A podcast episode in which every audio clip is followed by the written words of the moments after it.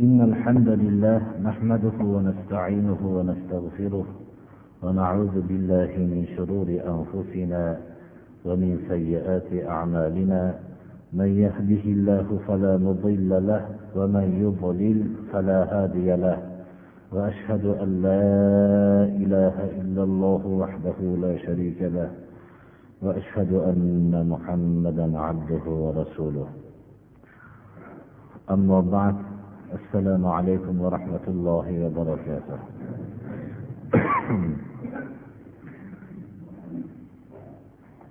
qur'oni karimdan juma kunidagi darsimiz surai anom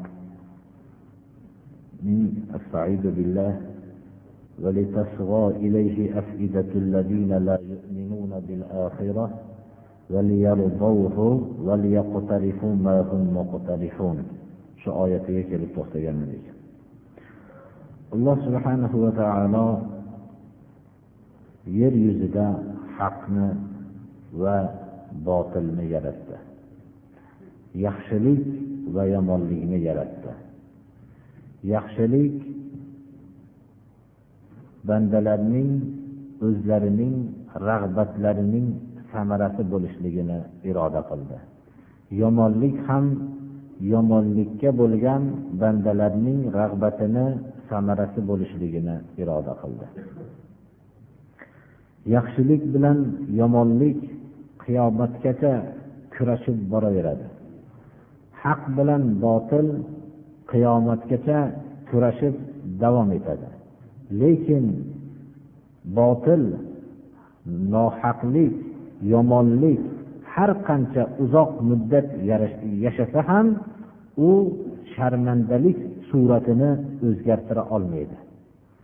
Haq har qanchalik yaxshilik har qancha uni har xil targ'ibotlar bilan bulg'ashlikka harakat qilinsa ham go'yoki ustiga loy choplanib qo'yilgan oltin vaqtincha uning ustida choplanib turgan loy vaqtincha bo'lgandek u oltin ya'ni haqligicha qolaveradi.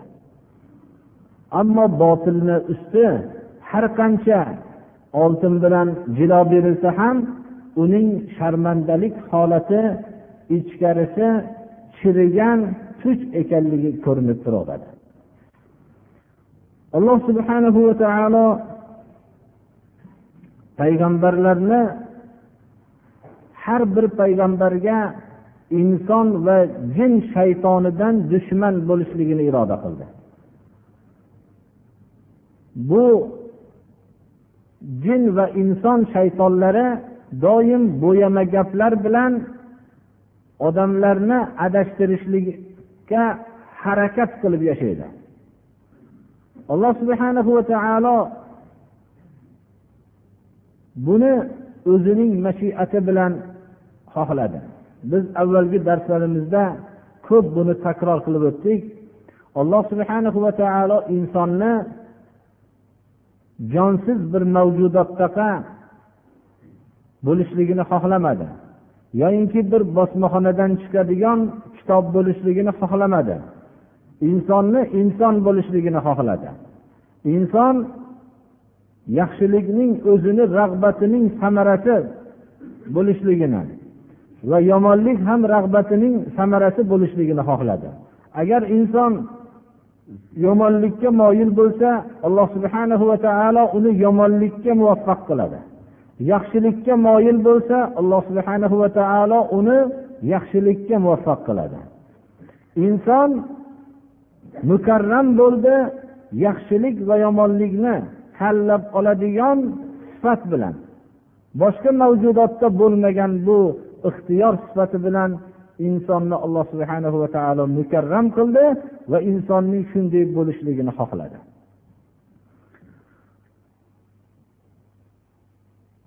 Alloh subhanahu va taolo har bir payg'ambarga payg'ambarlarning tobelariga ozor berishlikni ularga qarshilik qilishlikni doim kutib turadigan dushmanlar bo'lishligini xohladi. Va ularning so'zlariga payg'ambarlarning dushmanlarini so'zlariga quloq soladigan kishilarni ham yaratdi. Ular kimlar?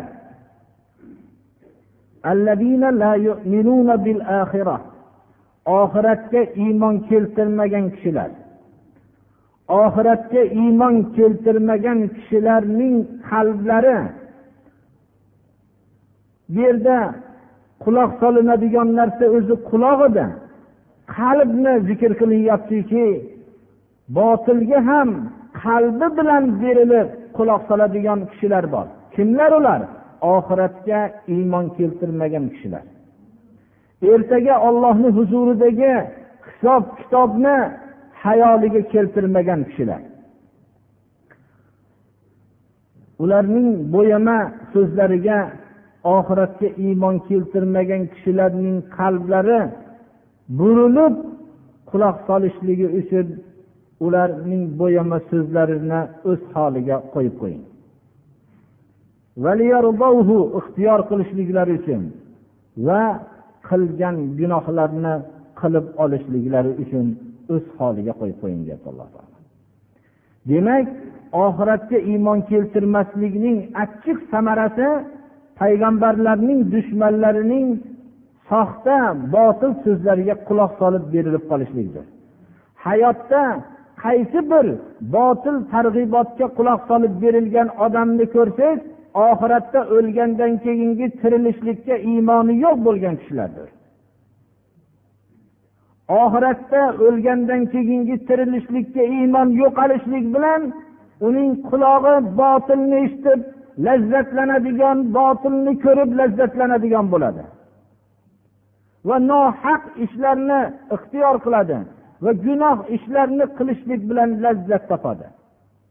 Chunki u oxiratga iymoni yo'q. Oxiratga iymoni yo'q bo'lganlarni alloh subhana va taolo botil bilan lazzatlanadigan tabiatda bo'lishligini xohladi. Hayotga bir nazar tashlasangiz shunday botil bir o'yin kulgilar borki na aql na shariatga muvofiq bo'lsin. Har qanday sodda aql uning bir ma'nosiz ekanligini bila oladi. Lekin shu bilan birga tamomiy olamni shunga ishqiboz bo'lganligini guvohi bo'lasiz. Moli mulklarini shunga sarf qiladi. Vaqtlarini shunga sarf qiladi. Hayotida biror kun olloh uchun bedor bo'lmagan inson bunday botillar uchun oylab bedor bo'lib tomosha qilishlikka tayyor bo'ladi. Nima uchun? Oxiratga bo'lgan iymoni yo'q. Qaysi bir kishi masalaning boshqa bir tarafi botil nohaq narsalar bilan lazzatlanib qalbi bilan berilayotgan bo'lsa bilsinki qalbidagi oxiratga bo'lgan iymon so'nib boryapti. Alloh subhanahu va taolo oxiratga iymon keltirmagan kishilarning qalblari shunga quloq solishligi uchun qo'yib qo'ying u narsani deyapti.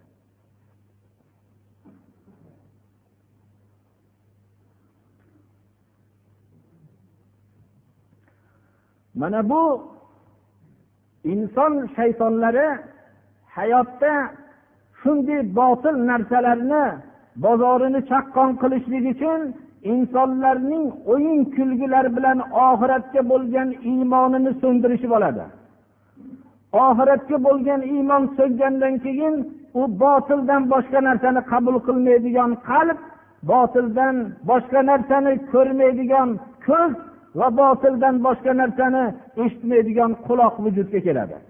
Ana botilning bozori chaqqon bo'laveradi.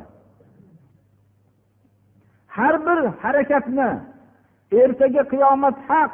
Alloh subhana va taoloning huzurida ollohga ro'baro bo'lishlik haq hisob kitob haq degan insondan botilga berilish hosil bo'lmaydi.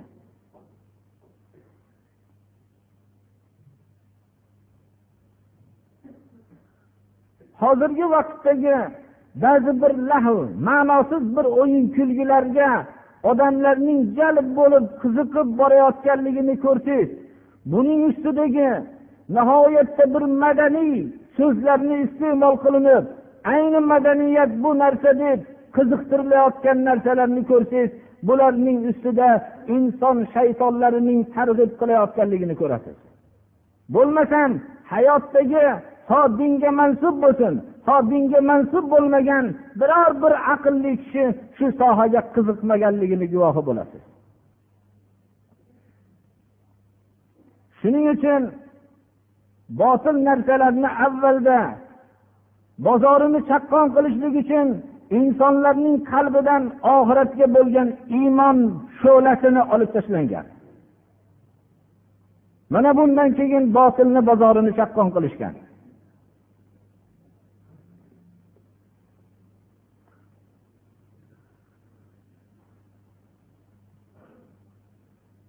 أفغير الله أبتغي حكما وهو الذي أنزل إليكم الكتاب مفصلا.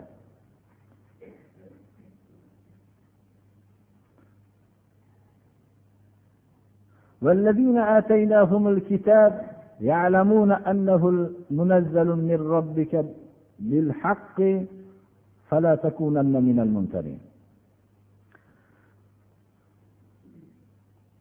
الله سبحانه وتعالى hakami mutlaqdir. Ya'ni har bir narsada hokimdir. Har bir narsada islom o'zining hukmini bayon qilgan. Ibodat xususida odatlar xususida an'analar xususida va muomalotlar xususida har bir sohada alloh subhanahu va taolo hakami mutlaqdir. Alloh subhanahu va taoloning hukmi bordir. Har bir narsada asosiy umumiy suratdagi hukmi bordir. Mana bu hukmga asosan ish qilmoqlik kerak. Demak inson o'zining bir harakatidan ilgari bu narsaning alloh subhanahu va taolo tarafidan bu xususda nima deyilgan degan narsani bir tekshirib olishlikka ma'murdir modomiki iymonni davo qilsa. Mo'minman degan davosi bo'lsa albatta alloh subhanahu va taolo tarafidan bo'lgan hukmni o'ziga bir shu sohadagi hukmni tekshirib olmoqligi kerak. Rasululloh sollallohu alayhi vasallam ya alloh subhanahu va taolo buyurib ollohdan boshqani men o'zimga hakam qilamanmi?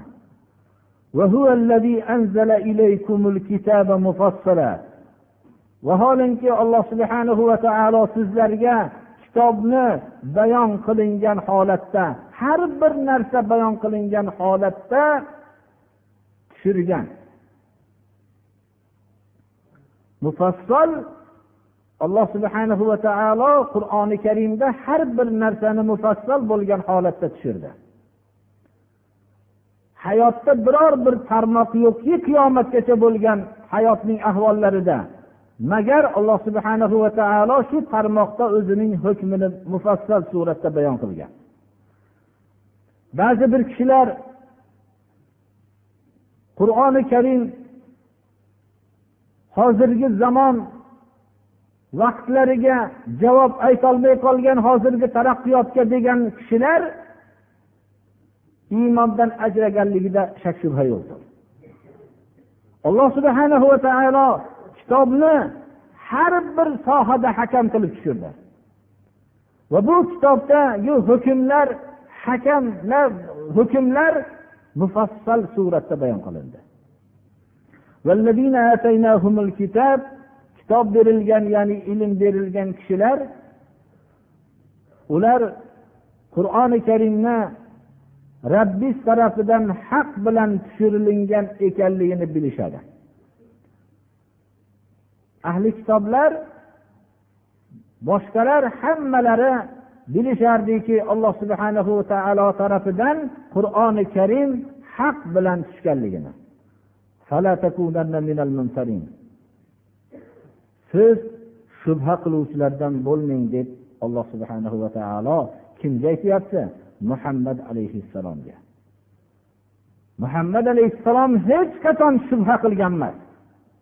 Qur'oni karimni olloh tarafidan tushganligida hech qachon shubha qilgan emas bu oyat bir tomondan inson haq bilan bo'lgan insonlarga qanchalik bir qiyinchiliklar vujudga kelganda alloh subhanahu va taolo haq bilan birga bo'lganlarga bo'lgan yordamining uzoq ketganligidan inson bu o'zining yo'lini haqligida ham shubha qilib qolishligi mumkin hatto rasululloh sollallohu alayhi vasallam muxotab bo'lyaptilarki shubha qiluvchilardan bo'lmang siz qur'oni karim haq bilan rabbis tarafidan tushirilgan rasululloh sollallohu alayhi vasallamga فإن كنت في شك مما أنزلنا إليك فاسأل الذين يقرؤون الكتاب من قبلك لقد جاءك الحق من ربك فلا تكونن من الممترين oyat nozil bo'lganda ya'ni agar biz sizga tushirgan qur'on haqida siz shakda bo'lsangiz bu o'tgan muqaddas kitoblarni o'qiyotgan kishilardan so'rang bu qur'onni haqligini Sizga rabbis tarafidan haq kelganligida shak shubha yo'q. Shubha qiluvchilardan bo'lmang degan oyat nozil bo'lganda la asalu la ashukku va la asal. Shak ham qilmayman ahli kitoblardan qur'onni haqligi haqida so'ramayman ham degan ekanlar. Ya'ni alloh subhanahu va taolo tarafidan tushayotgan vahiy hattoki inson bu yo'lda xizmat qilayotgan vaqtida haq yo'lda xizmat qilayotganda botil ahlining ko'payib rivojlanib ketayotganligini ko'rib o'zidagi haqda shubha qilib qolishligi mumkin. Hatto rasululloh sollallohu alayhi vasallamga alloh taolo xitob qilib shubha qiluvchilardan bo'lmang deyapti. Rasululloh sollallohu alayhi vasallam hargiz shubha qiluvchi bo'lgan emas u kishi mutlaqo shubha qilgan emaslar. lekin bu narsa shunga dalolat qiladiki haq bilan kurashayotgan kishining qanchalik bir matonat bilan bo'lishligiga dalolat qiladi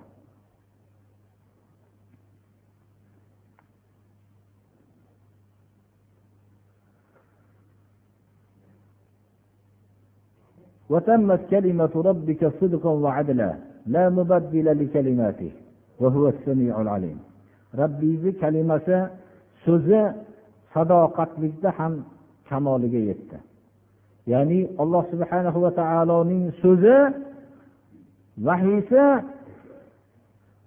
gapirgan so'zlarida bayon qilgan so'zlarda hammasida sadoqatlikda kamol sifatini egalladi va adlan adolatda tuzgan yo'lida hukm qilgan yo'lda hammasida adolatlikda ham kamol topdi. Buni mana dunyo qonunlari borib borib islomning hukmidan boshqa chora yo'q ekanligini bilib borishmoqda.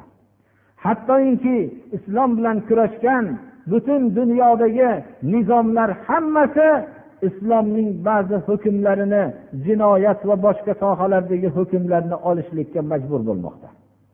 Hozirgi dunyoda ba'zi bir davlatlar borki u davlatlar mutlaqo islomni tan olmaydi lekin islomning ba'zi hukmlarini o'zlariga qabul qilib olishgan.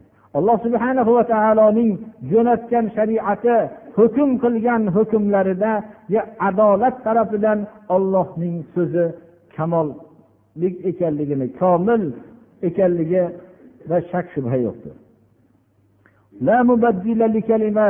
Alloh subhanahu va taoloning so'zlarini o'zgartiruvchisi yo'q. Allohni alloh subhanahu va taoloning so'zi qiyomatgacha va abadil obod bu narsa davomiy bir komil suratda qoladi. Alloh subhanahu va taolo bandalarni so'zini eshituvchi va bandalarning manfaatiga maslahatiga muvofiq bo'lgan hukmlarni biluvchi zotdir. Haq bilan kurashayotgan ya'ni o'zi bilan birga bo'lgan haqni olib yurgan kishi hayotda ko'p to'qnashuvlarga uchraydi.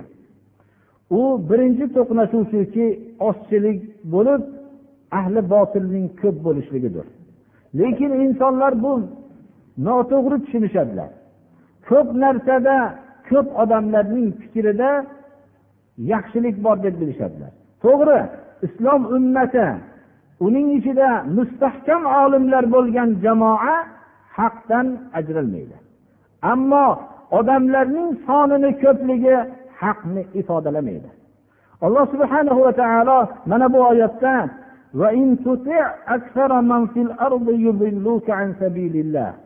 agar yerdagi ko'pchilikka ergashib ketadigan bo'lsangiz ular sizni ollohni yo'lidan adashtirib qo'yadi.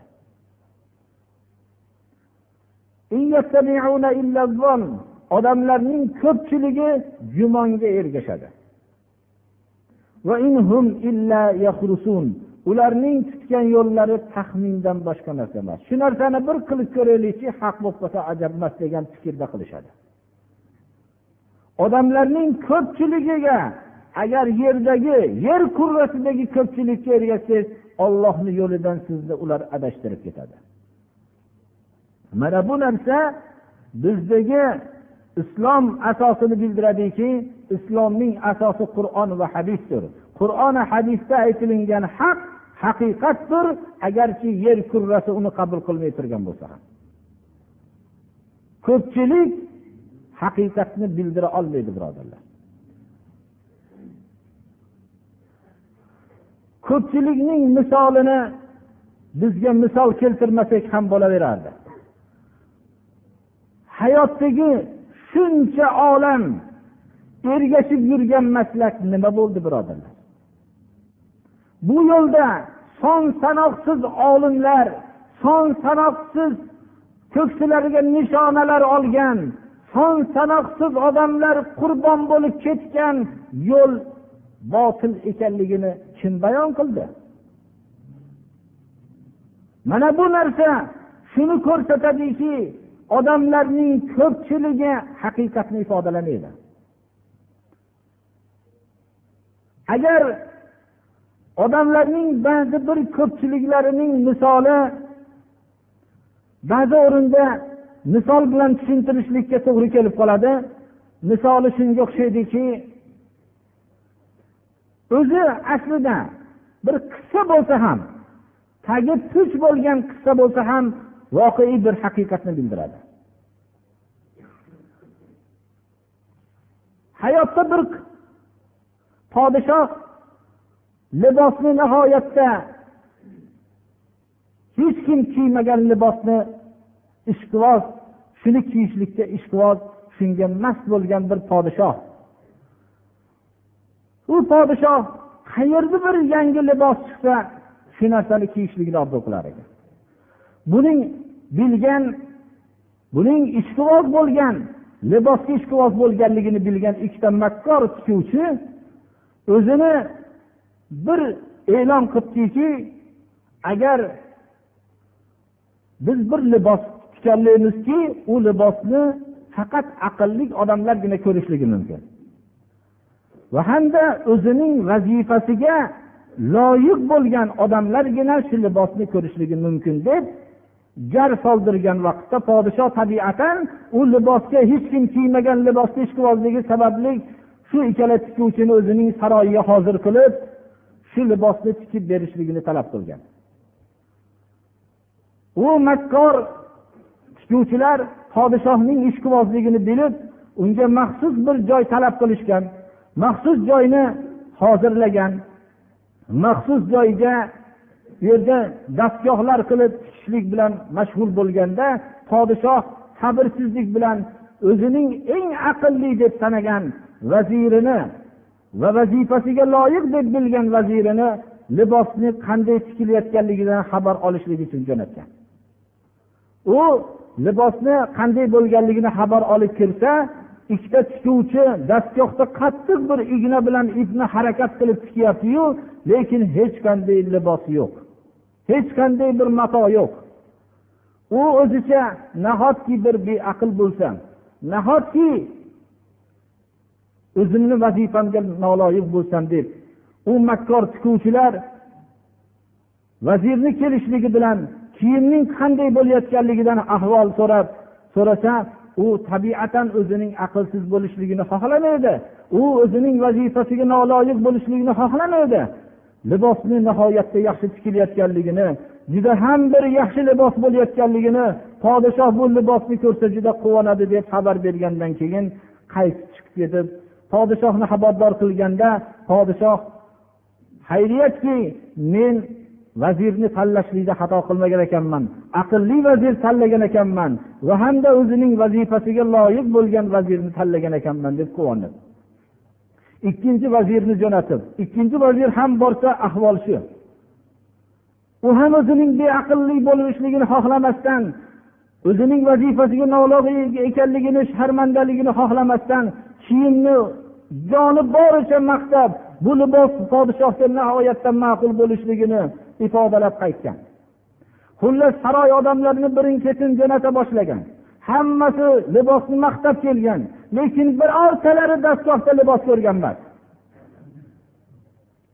podshoh o'zi sabrsiz bo'lib o'zi ham bir borib o'zining ham aqlini va vazifasiga loyiq loyiq emasligini bilib olishlik uchun borsa dastgohda ikkita makkor tikuvchi harakat qilyapti lekin hech narsani ko'rmagan. U aytib saroydagi hamma odamlarni vazifasiga loyiq bo'lib aqlligu lekin men bitta beaql ekanmanda men vazifamga noloyiq ekanmanda deb o'zining ham beaql bo'lishligini u ham xohlamasdan vazifasiga noloyiq degan so'zni u ham xohlamasdan libosni makkor tikuvchilar butganga yaqin bo'lganlik qanday bu libos bo'lganligini e'lon qilganda u juda ham o'tkir libos bo'lganligini u ham takrorlavergan. Xullas libos bu soxta yo'q libos tayyor bo'lgan. Xalqlar o'rtasida shov shuv paydo bo'lganki bu qirol bir libos kiyish kuni shu kun bu kunda faqat libosni aqlli kishilargina ko'radi vazifasiga loyiq bo'ladigan odamlargina ko'radi deb e'lon qilgan. Hamma haloyiq o'zining aqllikmi aqlsiz ekanligini bilishlik uchun va hamda o'zining vazifasiga loyiqmi loyiq emas ekanligini bilishlik uchun va bu ajoyib bir libosni ko'rishlik uchun hamma tomoshaga chiqqan. Libos. Qirolni olib kelib podshohni olib kelib kiydirilishlik uchun libosi yechirilgan. Uning libosni kiydirayotgan makkor tikuvchilar ungacha ko'p haq talab qilishib xizmat haqlarini bir necha barobar olib bo'lishgan edi. Libosni kiydirishayotgan vaqtida uni etaklarini ushlab boradigan kishilarga ham etagini ushlashlikka taklif qilganda bu yo'q libosni qayerimni ushlayman degan emas chunki beaql bo'lib qolishlikdan qo'rqqan.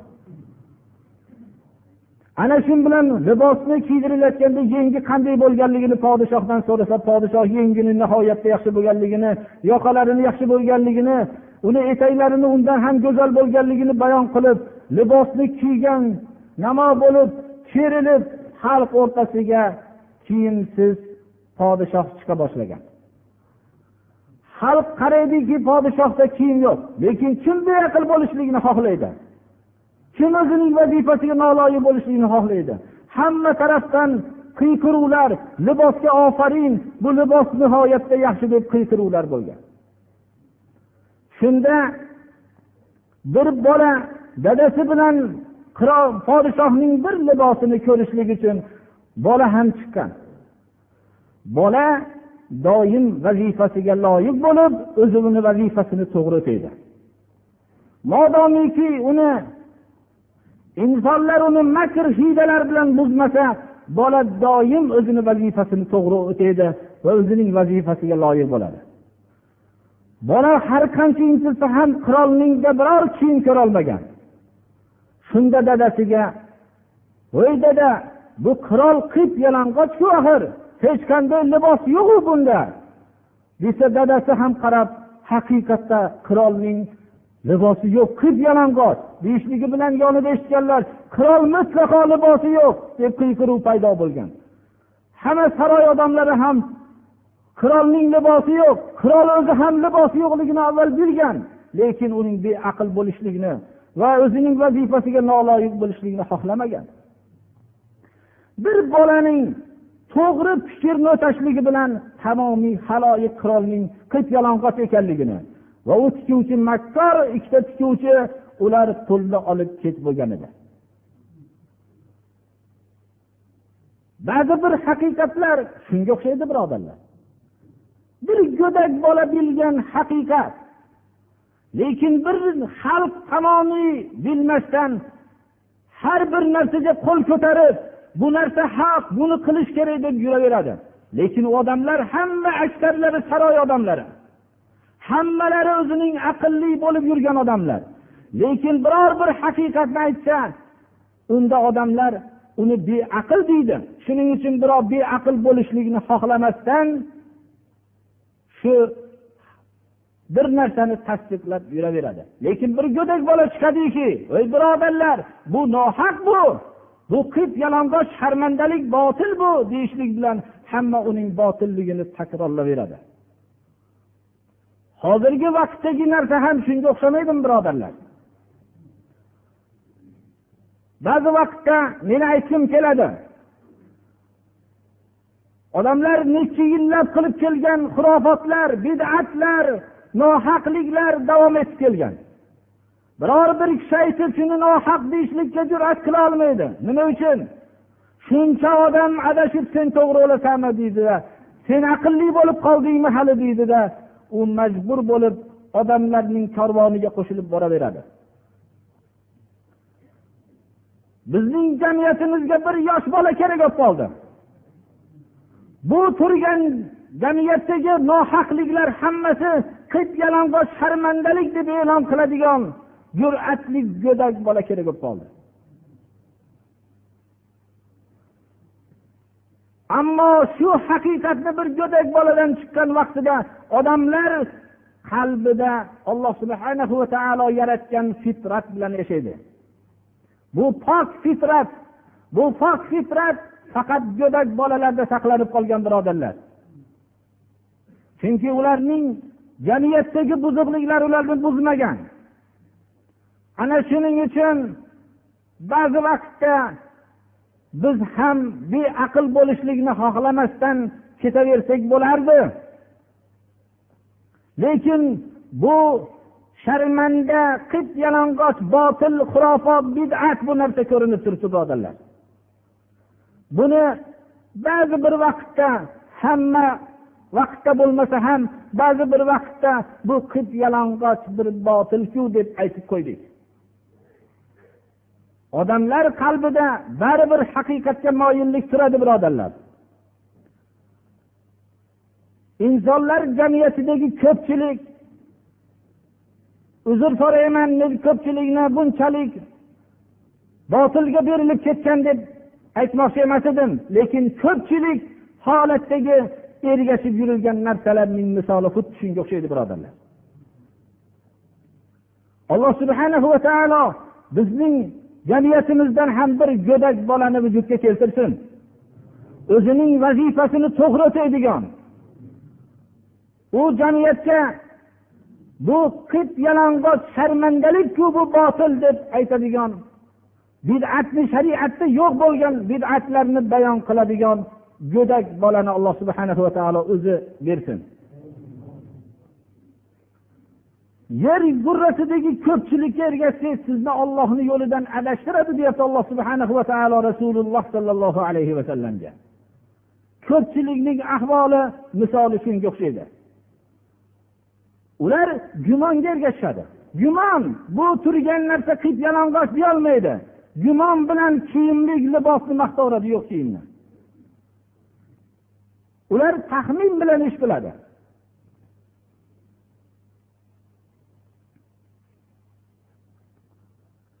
إن ربك هو أعلم من يضل عن سبيله وهو أعلم بال adashgan kishilar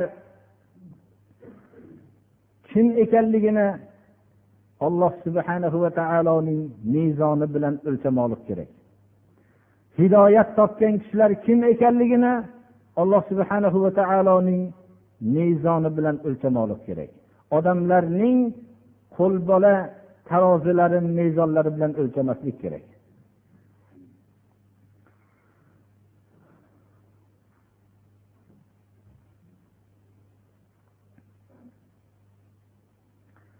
فكلوا مما ذكر اسم الله عليه إن كنتم بآياته مؤمنين وما لكم ألا تأكلوا مما ذكر اسم الله عليه وقد فصل لكم ما حرم عليكم إلا ما اضطررتم إليه وإن كثيرا ليضلون بأهوائهم بغير علم إن ربك هو أعلم بالمعتدين alloh subhanahu va taolo hukm oyatlarini bayon qilib turgan o'rinda to'satdan ollohni ismi aytib so'yilingan narsalarni yeyishlikka buyuriydi ya'ni so'yilingan hayvonning go'shti haqida yeyishlikka buyurgan oyat keladi. Bu narsa shuni ko'rsatadiki hayotning har bir qismida alloh subhanahu va taolo bir hukm bayon qilgan.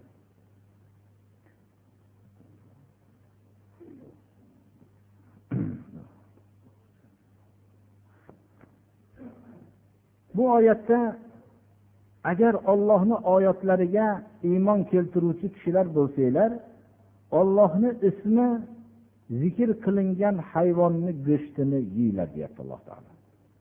Ya'ni ollohni oyatlariga iymon keltirgan mo'minlikni davo qilgan kishilar bo'lsanglar sizlar ollohni ismi aytilingan hayvonning go'shtini yeyglar biz bilamizki islomda o'laksa harom qilingan. To'ng'iz go'shti harom qilingan. Otilib chiqqan hayvonni so'yilgan vaqtida otilgan qon harom qilingan.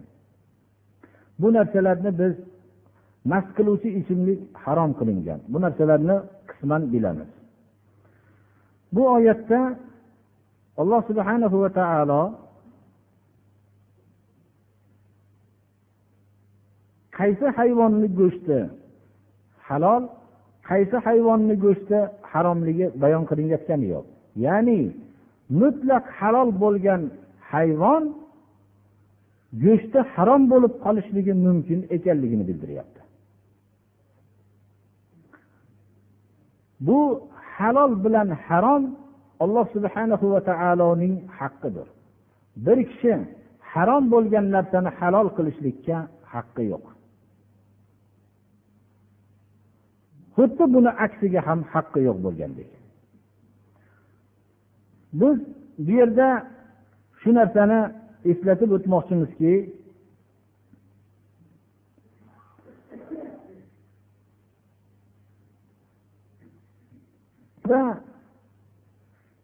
so'yilingan hayvonlarning ollohni ismini aytib so'yilingan vaqtida buni esdan chiqarib aytmay qo'yishlik mumkin yoyinki qasddan aytmay qo'yishligi mumkin yoyinki qasddan ham aytib esdan chiqarmasdan ham aytishligi mumkin.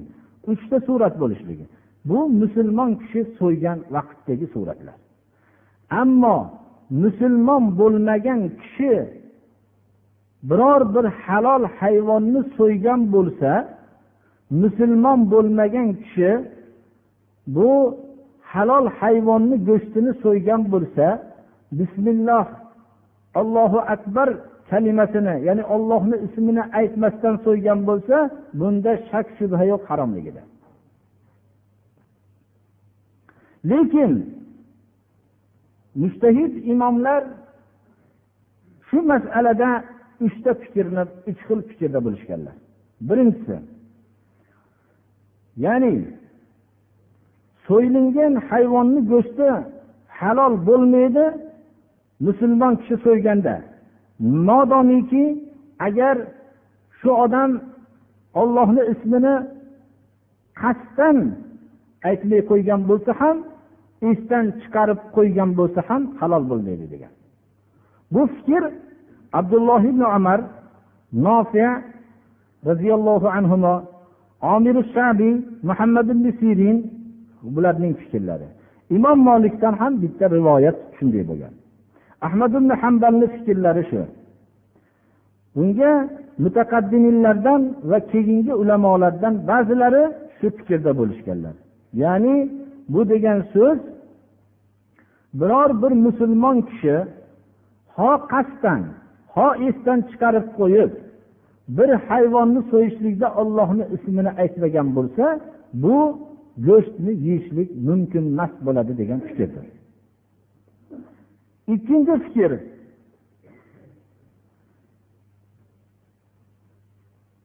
Tasliya shart emas deyiladi. Ya'ni bismillahi allohu akbarni aytishlik shart emas agar so'yuvchi musulmon bo'lsa. Qasddan tark qilgan bo'lsa ham esdan chiqarib qo'yib tark qilgan bo'lsa ham zarar qilmaydi degan. Imom shofiy rahmatullohi alayhini fikrlari shu. Va imom shofiy rahmatullohi alayhi yo'llarida bo'lgan kishilar musulmon kishining qalbida ollohning ismi bor. Shuning uchun qasddan aytmasa ham esdan chiqarib qo'ygan bo'lsa ham so'yilgan hayvonning ya'ni halol hayvonning go'shtini yesa bo'ladi deydilar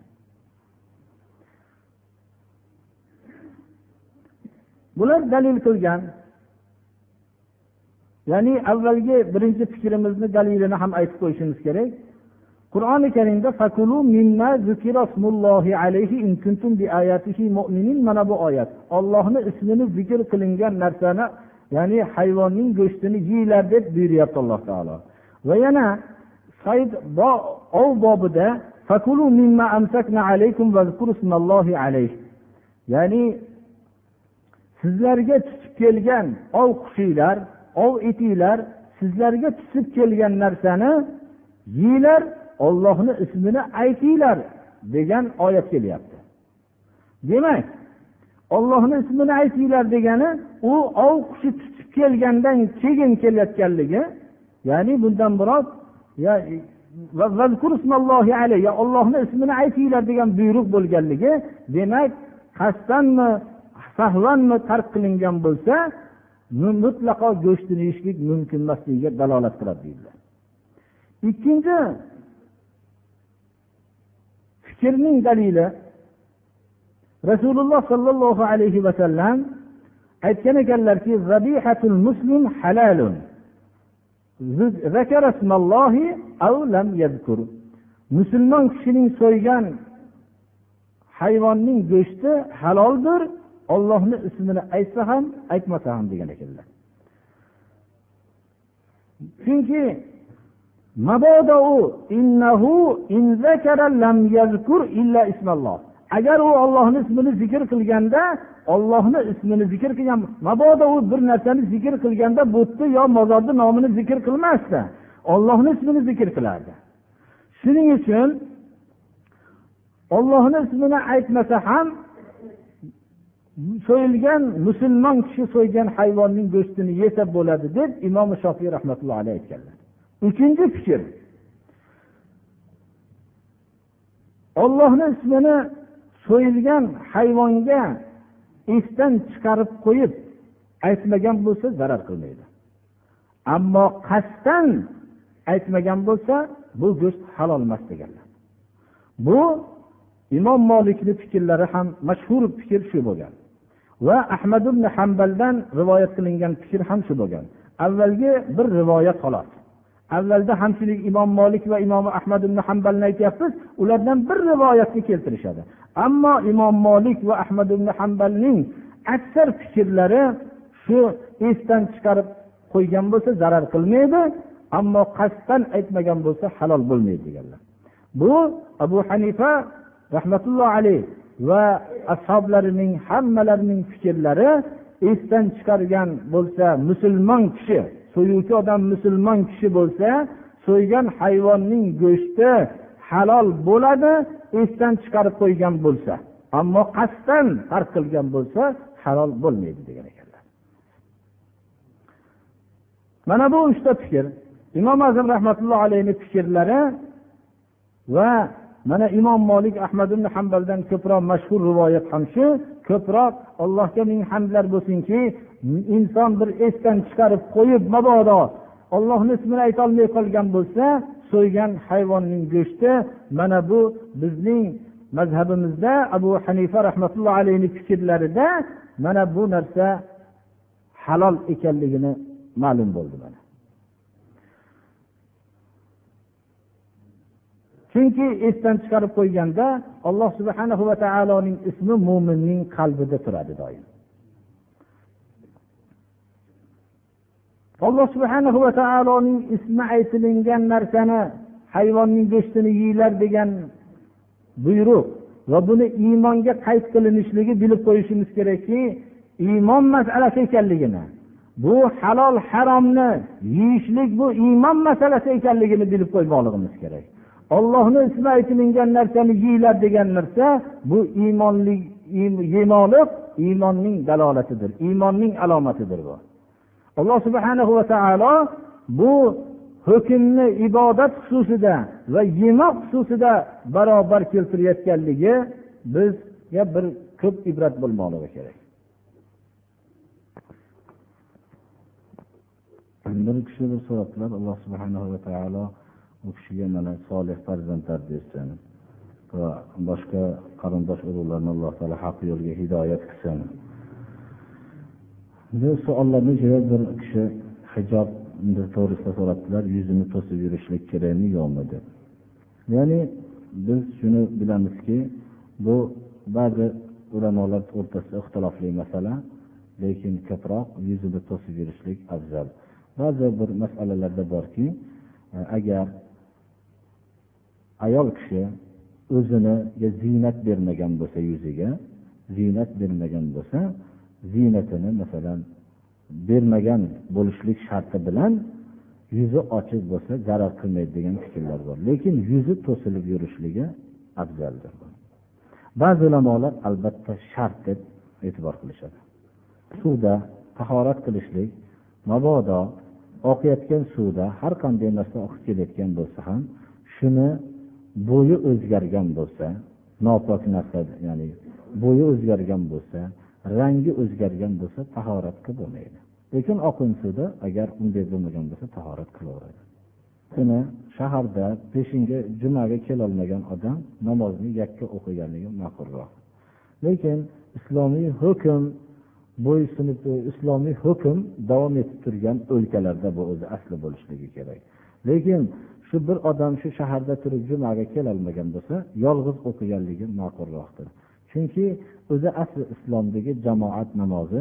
Mabodo bir masjidda jamoat namozi o'qilayotgan bo'lsa narigi tarafda yana bitta jamoa jamoa bo'lib o'qisa namozi qabul emas bo'ladi. Ya'ni bir masjidda ikkita jamoa bo'lishligi mumkin emas.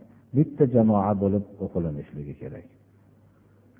Shunga o'xshagan juma namozini jamoatidan tark bo'lib qolgandan keyin yolg'iz o'qilinishlik ma'qulroq deyiladi subhanahu va taolo hammamizni ham gunohlarimizni mag'firat qilsin ibodatlarimizni alloh qabul qilsin farzandlarimizni alloh taolo solih solihalardan qilsin hidoyat yo'lida barqaror qilsin اهدنا الصراط المستقيم صراط الذين أنعمت عليهم غير المغضوب عليهم ولا الضالين